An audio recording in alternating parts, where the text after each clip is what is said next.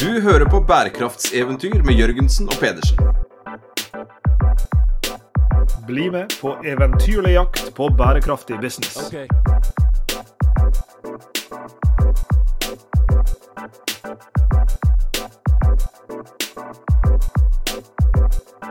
Det er en ny spesialepisode av Bærekraftseventyr, Sveinung, og vi befinner oss fortsatt i baren på Kulturhuset i Bergen. og Vi kan nå begynne å høre lyden rundt oss bli høyere og høyere. Det, det, vi er midt i opptakten til festivalen, egentlig. og Vi sitter her med en av eh, styremedlemmene i klimafestivalen eh, Varmere, voltere, villere. Det er Tore Furevik, som er professor i oseanografi, eh, som jeg har lært handler om fysikken i havet. Det lærte jeg nå nettopp. Eh, Tore vi møtt før, og det skal vi komme inn på. Men eh, han er nylig begynt som direktør ved Nansen-senteret her i Bergen. Og han kom fra stillinga som direktør ved Bjerknessenteret. Eh, og denne samtalen her, den skal jo da selvfølgelig bl.a. handle om klimaet og situasjonen vi befinner oss i. Velkommen til oss, Tore. Tusen takk. tusen takk. Ja, Du sa det vi skulle tilbake til Lars Jakob, men i 2015 så, så var vi sammen i Uganda. Det var, var i forkant av av klimakonferansen i, Paris. Det var den samme høsten som, eh, som FNs bærekraftsmål ble, ble, presentert. Og Jeg husker den gangen, for jeg kan jo ikke så mye om klima. Altså Jeg kan jo litt om klima, de fleste av oss gjør jo det etter hvert. Den, men på den tiden, i 2015, så kunne jeg enda mindre.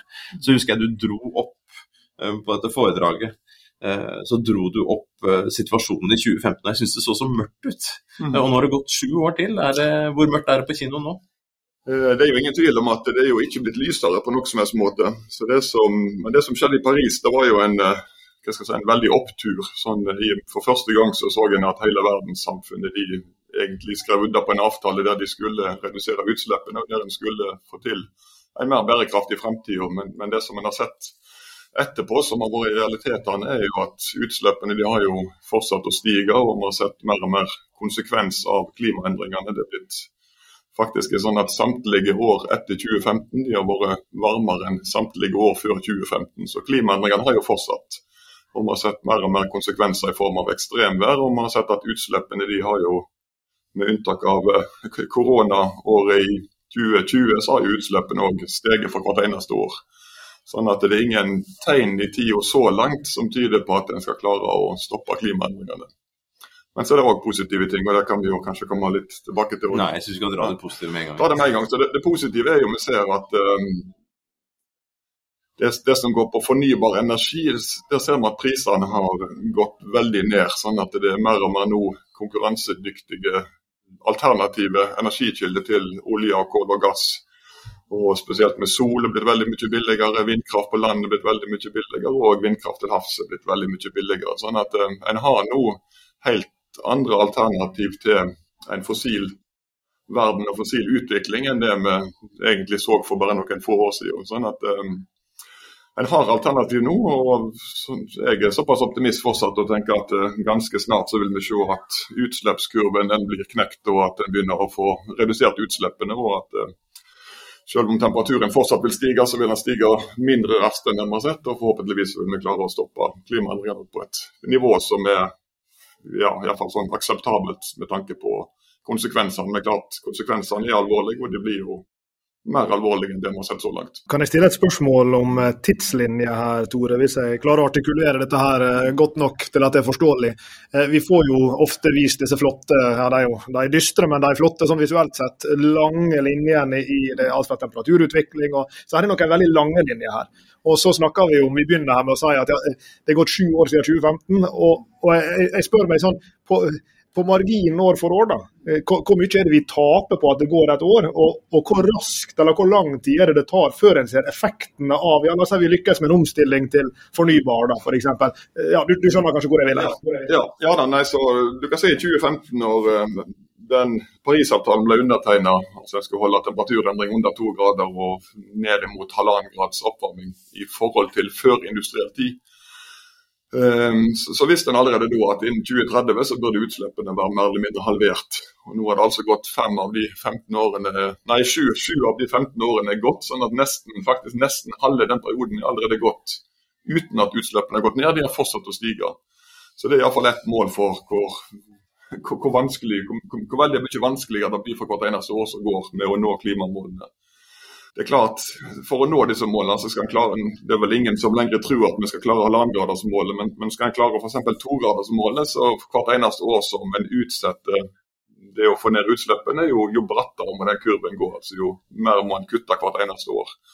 Sånn at det er All forsinkelse gjør det veldig mye vanskeligere.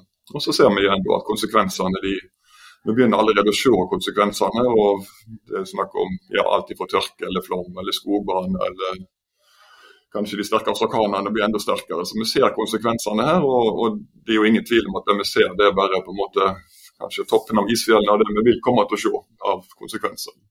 Så. Vi pleier å si at du begynte å jobbe med bærekraft og bærekraftig business før det var populært. Og du begynte å, å, mm. Å, å jobbe med, med, klima lenge før det var populært. Det var direkte mm. upopulært. Mm. Er det, er det endra seg stemningen for å prate om dette her? Er det, er det, mer gehør? Dere som jobber med det og skjønner det, for jeg sa jeg skjønner det ikke. Vi lærte jo om det på, på barneskolen, ungdomsskolen. Mm. Husker jeg drivhuseffekten illustrert med drivhus. Sola kom inn, og så var det noe som skjedde inni der, og så måtte vi skjønne. Så, men det skjedde jo ingenting. Altså, vi, vi, visste en god del ting, men, men rundt oss så oppførte vi oss ikke deretter. Mm. Uh, i, din, i, din, tid, jeg nevnte 15 her, vi kunne sagt uh, eh, 2010, vi kunne sagt 2020. Mhm. Er det en annen stemning? Og, og, og, og, i den forbindelse også med den nyeste uh, hovedrapporten, andre mhm. del av den sjette hovedrapporten til FNs klimapanel. Mm. Er, det, er, det, mer gehør, er det mer endringsvilje, opplever du det? Altså det, det, er ingen, det, er ingen, tvil om at klima debatten eller klimafokuset har blitt flytta i løpet av disse. Altså, jeg har vel holdt på nå i 20 år. Jeg har på med, altså, Bjerknessenteret hadde jo 20-årsjubileum i fjor. Og, eh, og, jeg har, nei, i 2020, mener jeg, så jeg har stort sett vært med siden starten. Mm. sånn at uh, I starten var det veldig mye avisskriveri, det var veldig mye debattinnlegg der folk, folk stilte i tvil om klimaendringene var menneskeskapte, eller om det ville bli så ille som forskerne sa. Så, så nå, nå, er, nå er det mye mer på det med handling. altså hva, hva, skal til for å få redusere klimaendringene? og Veldig mye av diskusjonen handler om f.eks. norsk olje- og gasspolitikk. I hva grad Norge skal vente på at uh, det ikke lenger er noen som har lyst til å kjøpe olje, eller vi skal ligge litt i forkant og, og redusere, ut, redusere, vårt eget oljeproduksjon, kanskje. Så, altså rett og slett, Skal vi være responsive, eller skal vi ligge litt i forkant? Så Det er, det er jo veldig mye av diskusjonen som er nå.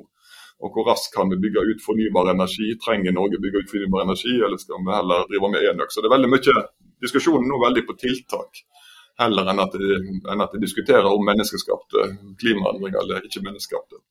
Så Sånn sett så har vi kommet veldig mye lenger. Um, og, og, um, og, så er det, altså det, er jo, det er jo ikke til å stikke under en stol at det er jo en fryktelig komplisert affære, dette her. Altså Vi skal omlegge. altså Verden har jo hele den moderne verden er jo bygd opp på bruk av fossil brensel. Altså Fra 1850 eller fram til i dag så er det jo, handler det om kull, kull, kullforbruk og det handler om oljeforbruk og gassforbruk. sånn at eh, det å snu om på en hel verden i løpet av noen tiår, det, det er jo ufattelig komplisert. Jeg tenker på dette begrepet eh, som ofte blir brukt, uh, tipping points. Altså at det er noen, noen sånne punkt i, i, i utviklingene her som, som, gjør at vi kanskje kommer forbi noen sånne altså Både det at det er noen dominoeffekt, er ene sida jeg forstår det, hvis jeg forstår det rett. Og, og det andre er jo dette her at, at her er noen av effektene her som kanskje er irreversible. Uh, kan, kan, du utdype litt dette her, altså noe av denne kompleksiteten da knytta ikke utelukkende til sånne tipping points, men det var en inngang i alle fall til spørsmålet? Ja da, så, så vi snakker om, Det er veldig mange ulike typer tipping point. og noen er lett å forstå. Det er jo f.eks. innenfor biologien. Dersom det blir så varmt at en art forsvinner, så kommer ikke den arten tilbake igjen. Da kan du si Det er sånn ikke reversibel tipping point. Da, det, da har vi ødelagt et eller annet som er ødelagt for all framtid. Og så har du andre ting som er mer sånn langvarige, og det er f.eks. grønlandsisen. og Sånn som klimaet er nå, og så varmt som det er nå, så er grønlandsisen den er ikke i likevekt med dagens klima. Så den, den, smelter, og den vil fortsette å smelte. og Det vil skje i mange hundre år, tusen år. Sånn at det er på en måte, Der har vi en terskel, men, men, du kan si det er ikke noe som skjer plutselig i, i, i, dag eller plutselig til neste år. Det er ikke sånn at havet plutselig stiger med 20 meter. Men det, vi har satt i gang prosesser som, som vil fortsette langt inn i altså 20-30-50-100 generasjoner fram i tid. sånn at Der har vi satt i gang ikke reversible prosesser, altså prosesser vi ikke klarer å stoppe. Og så har vi en rekke andre ting der går på uttørking av jord, sånn at um, vi ser områder på jorda som blir tørrere og tørrere. Og, og, det er klart, Har du fått en ørken, så får ikke du så lett tilbake jordbruksland. Så, så, det er en rekke sånne prosesser som vi, vi har satt i gang, og som, som ikke vi klarer å snu. selv om vi skulle klare å redusere utslippene de neste årene. Men så er det jo også sånn at det, det, er veldig mange andre ting der ute som en del forstår vi, en del forstår vi mindre, og en del er vi veldig usikre på. Metan, metan som er lagra i tundraen er jo et sånt felt som en del frykter at vi skal sette i gang sette i gang en sånn kaskade av effekter som gjør at plutselig får vi veldig store metanutslipp som vil forsterke klimaendringene noe voldsomt. Det kan være Amazonas, regnskogen, som noen mener å se at den kan plutselig dø ut og bli Sahara istedenfor å få Amazonas. Så, så, en del tipping point, eller sånn vippepunkt, kjenner vi ganske godt til. Og en del andre det er, sånn, det er litt sånn ja, stor usikkerhet rundt de, og litt spekulativt i hva grad de vil slå inn, og når de eventuelt vil slå inn. Men, men det er ingen tvil om at det er en rekke sånn, og En av de kanskje mest alvorlige tingene som, sånn som FNs klimapanel har, eh, har um, forklart oss, det er jo det som går på disse tropiske korallrevene. Og det er klart, Der har vi omtrent 50% av alle arter i verden de er utelukkende i disse tropiske korallrevene. Og med, allerede med to graders oppvarming så ser det ut som at de stort sett dør ut alle sammen. Og det er jo, Hvis du tenker på biologisk mangfold i havet, så er jo det en ekstremt stor uh, hva skal jeg si, tap av, tap av, liv og tap av biologisk mangfold som menneskene da klarer å få til i løpet av mange generasjoner. Så det er jo ingen tvil om at det er veldig alvorlige vippepunkt innenfor naturen i alle fall der ute.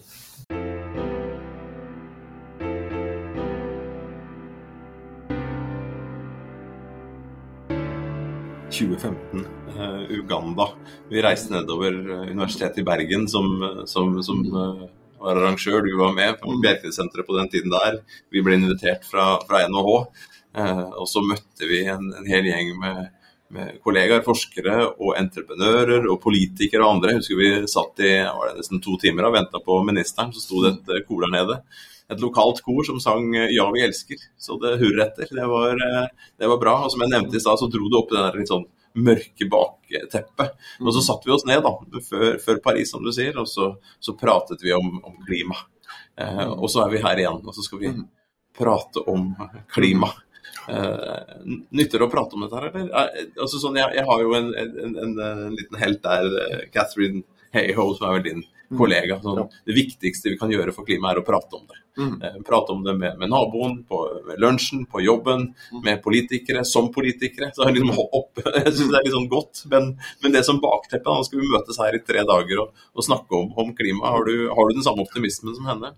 Uh, ja, da jeg eh, vil si jeg er fortsatt optimist. Og, og, og, det er jo ingen tvil om at verden har jo gått veldig mye framover siden 2015 hvis jeg tenker på klima og klimahandling. Og I 2015 så var det stort sett klimaforskere som snakket om klima. Og um, en leverte disse rapportene gjennom FNs klimapanel. De kom sånn hvert sjette, sjuende, åttende år. 2013 var jo den forrige, forrige store, og nå har vi en ny nå i 2021-2022.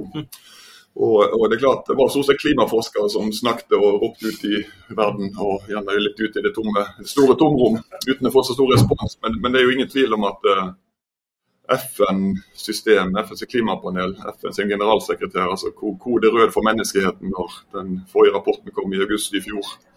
Så det er jo veldig mye mer sånn hva skal jeg si, framoverlent kommunikasjon egentlig i alle ledd her. Og, og politikerne òg har jo forstått alvoret etter hvert. Og, og, det som nå, du kan si Det er et forferdelig komplisert tema. og En ser jo, en ser jo bare i Norge altså bensinprisene hvor viktig det er for folk, eller vindkraft på land, hvor stor motstand det har, har ført til. Sånn at det at en kan sette seg ned i fellesskap, snakke, snakke seg gjennom problemene, det er uansett om det er et ekteskap du er i, eller om det er, eller om det er på klimaarbeid. Altså det at, det at en kan sette seg ned og snakke sammen, og så i fellesskap prøve å komme fram til gode løsninger, eller de, de minst dårlige løsningene, det tror, tror, jeg absolutt på. Og, og, og Derfor da kom jeg til den konferansen, eller festivalen her. altså er jo, Navnet er jo nettopp en festival, det er ikke en konferanse. og, og Hele poenget er at en skal få til de gode samtalene, de gode Bringe sammen folk som kanskje ellers ikke treffes. Og, og diskutere både i, på scenen og i salen og i, i baren. Disk, diskutere problemene og ikke minst prøve å finne de gode løsningene. Og så tror jeg også at um, Som forsker så har han kanskje vært flinke til å, eller klimaforsker flinke til å male det store dommedagsscenarioet og bildet, men, men, kanskje heller prøve å, se hva, hva er egentlig, hva framtida ønsker oss. Og det trenger ikke nødvendigvis være en dårligere framtid at en kvitter seg med fossile brensel og kvitter seg med støyende fossile motorer og biler. Det kan faktisk kanskje tenke seg at en får en bedre, bedre framtid og bedre samfunn. og Det tror jeg det er det, det, er det bildet jeg må prøve å presentere for folk. Men, men, det er klart, det drukner lett i, i uh, elektrisitetspriser som var 10 kroner i, i går morges, og, og olje, eller, si, bensinpriser som passerer 25 kroner. Det er klart det blir veldig ofte den type ting folk ser. og da... Men tror du ikke det også kan ja. bidra til det motsatte? At vi, at, vi, at vi, ser behovet for det? For jeg har alltid tenkt på å vokse opp med litt sånn naivt på at mm. olje, ja ja, det, jeg ser CO2-problemet, klimagass og sånne ting. Og så vet jeg det blir tomt en gang, men uh, jeg skal vel kunne kjøre bilen min ut min levetid, på en måte. Det, det holder vel. og Jeg har akkurat opplevd at det har vært noe stemning i, den, i debatten som har gått liksom Jo da, det vil bli tomt, men ja, det er lenge til. Men, men nå så står vi midt i en, en, situasjon de siste 14 dagene med, med Russland og Ukraina. og Man begynner seriøst å, å diskutere gassimport, og, og, USA snakker om uh, oljeimporten fra, fra Russland, og, og, og, prisene øker. Og så merker vi dette her på en litt annen måte.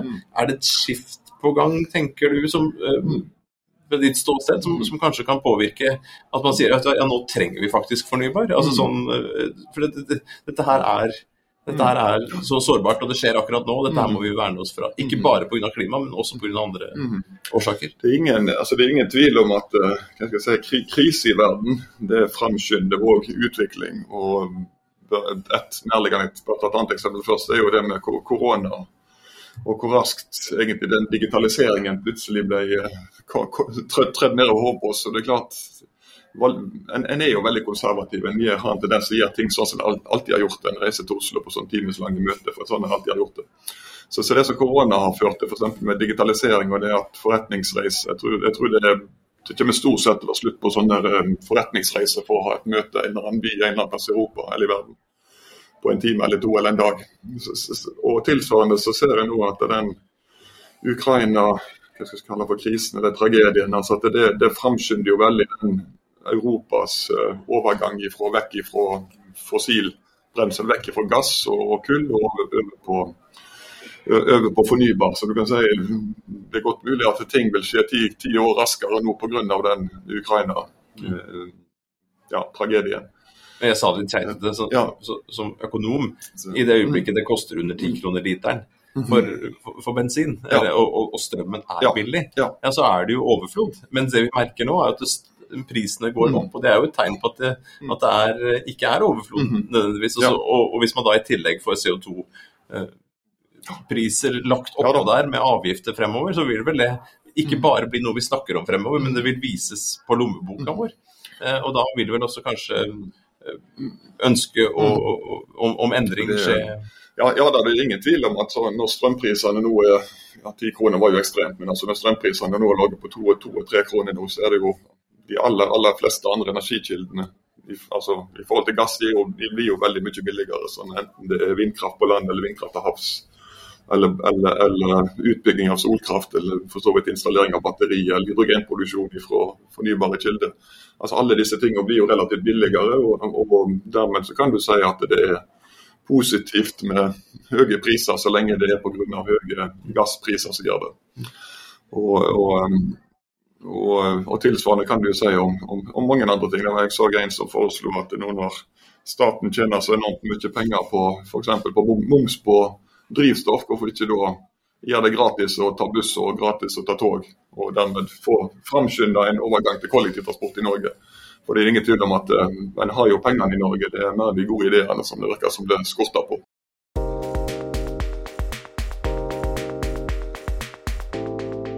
Du brukte ordet klimahandling i stad, Tore. Eh, og og det, det, akkurat som et fotballag trenger både forsvarsspillere og angrepsspillere, så, så, trenger et så stort og komplekst problem som klimaproblemet et sett av ulike løsninger. Og der er jo I tillegg til eh, alt det som handler om å forebygge disse klimaendringene, som kanskje er selve, altså de, de største skiftene som vi trenger, så ser vi jo tydeligere og tydeligere at vi trenger å tilpasse oss de endringene som allerede er i gang. Det er liksom to spørsmål i ett. Det ene er hva slags miks av disse to trenger vi? Og det andre liksom, er en risiko for at i det øyeblikket vi begynner å tilpasse oss, at det da nesten sånn psykologisk aksepterer vi mer disse endringene, at det kan gå på bekostning av forebyggende handling? Jeg, jeg, tenker at vi må, Der må vi gjøre begge ting. altså Vi må redusere utslippene så fort som mulig. og Samtidig så må vi tilpasse oss de klimaendringene som vi allerede ser, og som for så vidt kommer sterkere og sterkere. Og, og, så, så, det er ikke noen motsetning mellom, mellom, de to. og det er klart det at vi får for i Norge, altså Norge er jo en vinner på alle måter, hvis du, uansett om du ser på hva du ser på, hva parameter du ser på. og Hvis du ser på klimaeffektene, så er jo Norge et av de landene i verden som vil merke minst klimaendringene. Og I en del tilfeller så vil vi òg få positive effekter med enten det er lengre vekstsesong for jordbruket eller andre ting. Men det er klart òg i Norge så har vi, har vi klimaendringer, klimaeffekter, som vil koste penger. Og, og det kanskje viktigste i Norge det er jo det som har med regn å gjøre, altså styrt, styrtregn. Enten det er sommer, sommerregn som skaper flom og oversvømmelser i kjellerne til folk, eller det er mer sånn høstregn på Vestlandet som skaper ras og oversvømmelse og ødelagt infrastruktur. Så, begge, begge, deler må en tilpasse seg. sånn at Det er, det er kostnader med tilpassing i Norge, men de er jo forsvinnende små i forhold til det som en trenger der f.eks. regnet ute, uteblir og landbruksjorda tørker inn, eller der en får havnivåstigning og, og, og landjord, landområdet blir oversvømt. Så det er klart, er, det er relativt lite som skal til for å tilpasse seg i Norge. og det må vi gjøre, men den store utfordringen er jo til klimatilpasning i land som veldig ofte i liten grad har vært med på denne her, hva skal si, forbruksfesten som har skapt klimaendringene og skapt problemene. Vi kjente jo litt på det i. Uganda, for det var jo en av de tingene du trakk opp, husker jeg, fra, fra lysbildene. var jo da hvordan, hvordan disse midtområdene av verden, altså rundt ekvator, hvor vi også da var, mm. eh, hvordan det ville påvirke dem. Og mm. det var det en hånd som kom opp der i salen, og så, så ja, ok, så det er vi som skal ta kostnaden her. Mm. Dere har eh, for, forbrukt, og, og mm. vi, må, vi, må, vi må, ta, ta regningen eh, etterpå. For én ting er det å endre energikilde, en annen ting er det å ikke ikke ha vinduet oppe mens man eh, fyrer opp huset innvendig. Mm, altså, så, for vi har jo også hatt et enormt forbruk. Eh, og, og ser, vi, ser, vi, endringer, store nok endringer der? For vi tenker, Det er så lett å tenke hele tiden at vi skal finne andre måter å leve akkurat som nå. Mm. Tar vi nok inn over oss at vi kanskje må leve på andre måter? Det tror jeg egentlig i liten grad. at altså, jeg tror Hvis vi ser på Norge og folks holdning til klimaendringene i Norge, er nok at vi skal klare oss å få ned utslippene, vi skal klare å tilpasse uten at det skal koste oss noe i form av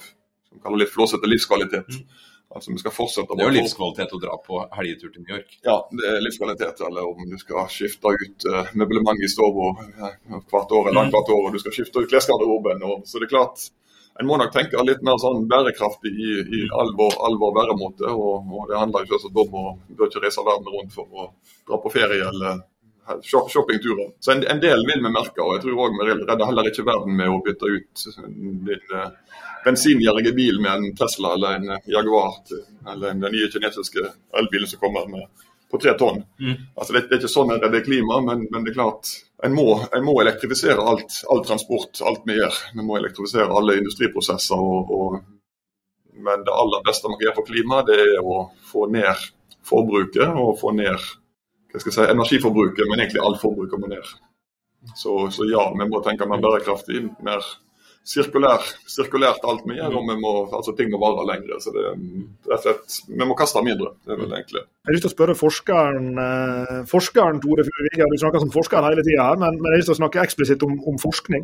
Jeg og Sveinung, eh, som våre lyttere vet, eh, har jo modellert livet vårt på Onkel Reise med Mac fra, fra fraglene, som dro ut og stilte spørsmål, gode og dårlige, og prøvde å finne svar på dem.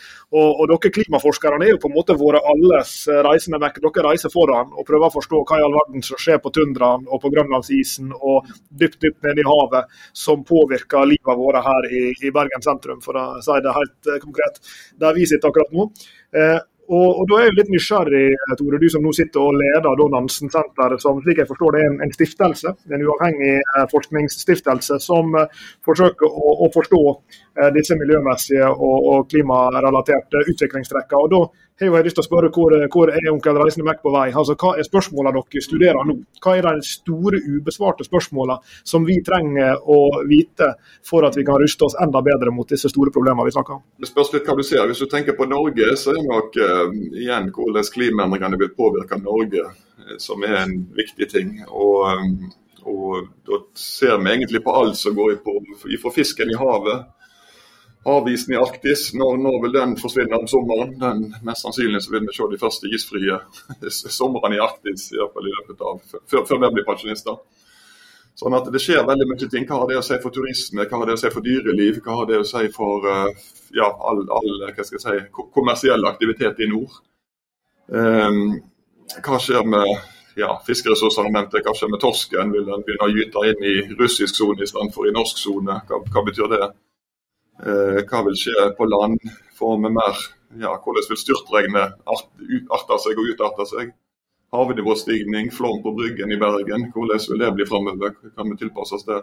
Så det, så det er en rekke sånne klimarelaterte ting, relaterte ting òg for Norge. Men, men, igjen, de store spørsmål, de store utfordringene, de store problemene med klimaendringene, de, de, de finner vi ikke i Norge. De, de finner vi sør i Europa med tørke. og vi finner de egentlig veldig mye i tropiske land der du og dessverre har fortsatt veldig mye underutvikla land, som, som i liten, liten grad er i stand til å tilpasse seg endringene.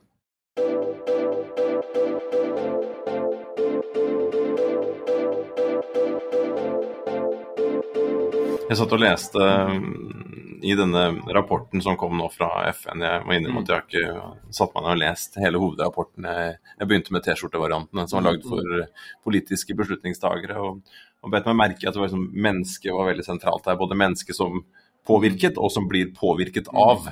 Eh, når er Jakob spurte, og du forklarte godt her om hva dere fremdeles lurte på, så slo det meg liksom Vet vi egentlig nok, men har, har dere ennå ikke helt klart å overbevise oss andre som ikke forsker på dette og ikke kjenner det så godt, da, mm. om hvor viktig det er og at vi er nødt til å gjøre noe? Ja, bare skal ta veldig fort det med, det med FNs klimarapport. så det er jo den sjette hovedrapporten som er i gang med. og Den, den første, første, delen, som er den, eh, på en måte min, min, del, er jo den fysiske klimasystemet. og Det som beskriver klimautviklingen. Det var den som kom i august i fjor, og den som kom nå for 14 dager siden. og Det er den som går på klimaeffekter. Og så vil det komme en tredje rapport i sommer som går mer på det med hvordan får vi ned utslippene. altså det som går på mitigation. Sånn at, um, og Det er klart det handler veldig mye om menneskene. som ser, det, er litt, det, er jo litt effekter på naturen. Det handler veldig mye om hvordan det igjen vil påvirke menneskene og samfunnet. Sånn at um, Det er fortsatt en del usikkerhet der ute. og Hvis en tenker på min, min, del av klimasystemet, altså det å forstå klimautviklingen og det å forstå hvordan økende utslipp, økende mengder av drivhusgass i atmosfæren, hvordan det påvirker klimaet, så, så, er det fortsatt egentlig en god del usikkerhet der ute. og Det handler veldig mye om disse vippepunktene vi snakker om. altså hva er, hva er de forsterkende effektene i klimasystemet? Når sjøisen i Arktis forsvinner, så, så blir, har vi ikke lenger en hvit overflate. Eller når snø forsvinner, så har vi ikke lenger en hvit overflate, vi har en mørkere overflate. og Vi får mye forsterkende oppgang. Så en rekke sånne, det er en rekke sånne hva skal jeg si, effekter som bidrar til at klimaendringer kan gå fortere enn det man har trodd. Og, og ikke minst med disse klimagassene, karbondioksid, metan som ligger lagra i tundraen og i all permafrost, som blir frigjort i større grad og som også bidrar. Så det, er mange ting som forsterker klimaendringene. sånn at eh, det er mye usikkerhet hvor ille det kommer til å gå. Og dessverre så er det også sånn at usikkerheten den er liksom i den det er mer usikkerhet i den høye enden enn i den lave enden. Sånn at det kan godt bli verre enn det vi tror, men det, det skal veldig mye til for at det blir bedre enn det vi tror. for å si det sånn. Og, og vi igjen hele den kaskaden av effekter når det gjelder det om ekstremvær. Hvordan, hvordan virker alt dette inn på ekstremværet? Både det at det blir varmere, det blir tørrere jord. Vi har, eh, så vi får på en måte endring i det med hele denne nedbørsfordelingen på jord. og Det henspiller jo òg litt til eh, til uh, tittelen på denne klimafestivalen. altså Det blir varmere, og det blir våtere og det blir villere vær. altså Det blir, mer, det blir vanskeligere vær å, å beskrive, vanskeligere vær å, å, å si, varsle. Så, så, alt, Det blir på en måte en kaskade av, av uh, hendinger her som, som egentlig Vi vet ganske mye om temperaturen, og så vet vi kanskje litt mindre om hvordan nedbørsfordelingen blir, og så vet vi enda mindre om alt det villere i andre enden. Og, så, så der er det mye usikkerhet ute. og det er klart det er det villere, villere, delen. Det er den som kanskje først og fremst vil skape store problem for samfunnet. Mm. Så det, så det, igjen, det er fortsatt mye, mye å forske på der ute, òg på klimasida her. Som du beskrev, så sa du for 20 år siden så pratet dere mest med hverandre. Mm. Ikke sant? Og så over tid så har dere i hvert fall kommet i prat med andre, og det er større forståelse for behovet for endringene og, og hva som kommer til å skje. Eh, og, og, hvordan eh, vi er nødt til å forholde oss til det. Og så, så, trekker du også opp her at det er så mange ting vi fremdeles ikke vet. Mm. Uh, og da særlig denne, som du sier, på den, den, av de negative konsekvensene. altså Det mm. som reelt sett uh, kommer, kommer, til å skje. Og Så samles vi her da, Lars Jakob, mm. for å prate om det. Og, og her går vi på, på, tvers og inn i menneskene og inn i atferden vår. Men jeg må si at jeg tenker på meg selv. Uh, hva er det jeg drømmer om etter to år med, med covid? Jo, åh, komme oss et eller annet sted på, på sommeren hvor jeg veit det er godt og varmt. ikke sant? Jeg drømmer om å komme ut og reise og fortsette ut på eventyr, og jeg har lyst til å dra tilbake til Uganda ikke sant? som individ. Og så er det bedrifter, og så er det nasjoner, og så er det hele verden. ikke sant? Så hvordan få atferden vår da, til å endre seg i takt, i tråd med det som dere finner ut for oss. Mm, mm. Ja. ja. Og Det kan kanskje være nest siste spørsmål, for jeg vil stille et festivalspørsmål helt til slutt. Men, mm. men først, for de lytterne våre som sitter og hører på, da, og som ikke kan påvirke overgangen fra et uh, fossil til et fornybarsamfunn, og liksom disse store skiftene vi trenger. Hva er det vi kan, vi kan gjøre som, som enkeltpersoner? Sånt, uh, Carol O'Brien, som er også er vel klimatilpasningsforsker, har en bok som heter 'You Matter More Than You Think'. Mm. Ja, hvorfor og hvordan er det vi som enkeltpersoner kan påvirke det? Ja, nei, Det er ingen tvil om at alle enkeltpersoner kan være med og påvirke samfunnsutviklingen. og Én ting er, er, det som en gjør personlig. altså En kan jo se på sine egne, egne utslipp og egne, egne måter å leve på. Leve livet på, sine egne forbruksmønstre. Og igjen, det handler jo om det å ta vare på ting. og, og Du trenger ikke som sagt skifte ut møblement eller klesgarderobe eh, eller reise på ja, årlig eller reiser på lange ferieturer. Så det er veldig mange ting en kan gjøre der. Men så handler det òg om å være en del av, av, av, samfunnet rundt deg. Altså Du kan bidra i nabolaget til å skape en sånn positiv, po positiv giv i nabolaget. F.eks. med å dra i gang hvorfor ikke få sol, sol, solceller på taket i, hos deg sjøl eller hos i borettslaget eller andre plasser. Og du er med å stemme inn på de politikerne som skal være med og styre. og Du er med på, en måte på alle nivåer. Så det er klart, en kan se på hvordan en sjøl lever, og så kan en ikke minst kan en bidra positivt i samfunnet rundt, rundt deg, noe som en er en del av. Så Det er vel kanskje mine to viktigste mål. Det du gjør sjøl, og det du, på en måte de signalene du gir til omverdenen, som er viktig. Og Om en drøy time Tore, så går du på scenen her sammen med flere andre som, som sitter i styret for festivalen sammen med deg, og, og, noen andre også, som skal sparke i gang klimafestivalen Varmere, våtere, villere. Og Vi har jo vært uh, inne på det samtaler er et mål her. Eh, folk skal snakke sammen på scenen, de skal snakke sammen i rommet, de skal snakke sammen i baren. Hvis du da som, eh, som fagperson på feltet kunne drømme om noen ting du ville at de særlig skulle snakke om i baren i kveld, hva, hva er det samtalene bør dreie seg om? Og Det er jo også et lite nikk da til hva er det som befinner seg på programmet, hva er det som er de store spørsmålene som du håper at folk vil snakke om på festivalen? Ja, Det, er det som er veldig bra med en sånn festival, det er jo at vi klarer å samle folk fra veldig ulike fagmiljø og veldig ulike sektorer.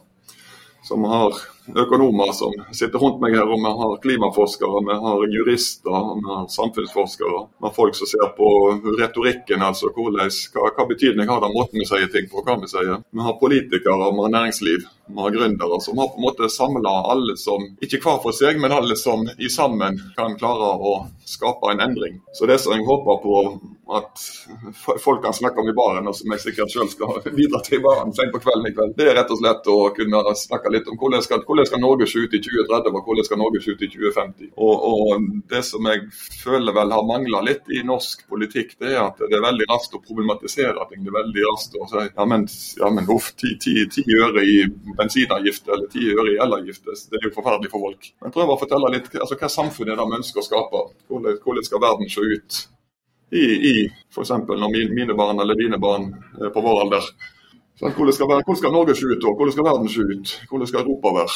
Og så liksom Litt de store linjene her. Og, og igjen, eh, kanskje Jeg tror klimaforskeren har nok vært naiv og tenkt at eh, det er litt sånn som FNs klimapanel. må ha klimaforskningen som jeg driver, og så har vi klimaeffektene. Og så har vi de som skal redusere utslippene, som bare vi forteller de vår kunnskap. Skal de fortelle noen andre sin kunnskap, og så skjer ting. Mm. Men, men, men sånn er det jo ikke. Så det at en kan klare å få til diskusjoner rundt f.eks. ta et eksempel vindkraft.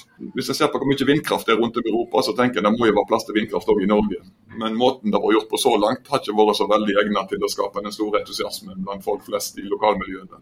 Så hvordan skal vi få til mer vindkraft i Norge? Hvordan skal en få til bærekraftig vindkraft til havs for å unngå de samme konfliktene som vi har hatt på land?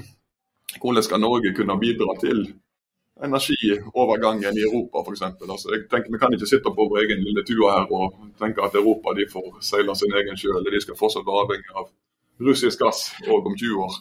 Så rett og slett, hvordan skal, vi, hvordan skal Norge bli bedre? Hvordan skal Norge bli bedre sammen med resten av Europa, resten av verden? Så Det, det er store spørsmål, men, men, jeg håper at klimafestivalen kan, kan bli si, en liten brikke og et lite bidrag til de store samtalene som jeg håper at politikerne i Norge kan ta. Det finnes noe som heter Fuelbox, eh, Lars Jakob. og Det er et selskap som, har, eh, som, som, eh, som stiller spørsmål for ungdom, for, for, for, voksne, på selskaper og filosofiske spørsmål. Og Sånn sett så fikk vi en liten fuelbox her av, av Tore med gode spørsmål, ikke bare til festivalen. Men dette er jo spørsmål som vi håper lytterne våre tar med seg inn i, i sine hverdagsmøter også. Absolutt. Og vi gleder oss til å treffe deg i eh, baren både i kveld og de andre kveldene, Tore. Kos deg på festival. Flott. Takk skal dere ha. Du har hørt på Bærekraftseventyr med Jørgensen og Pedersen. Send e-post til eventyr.krøllalfa.jorgensenpedersen.no for å stille spørsmål eller komme med forslag til tema for fremtidige episoder. Og besøk jorgensenpedersen.no for mer informasjon om denne podkastserien. Okay. Derfra kan du også fortsette samtalen med oss i sosiale medier på Twitter, Facebook, LinkedIn, YouTube og andre steder.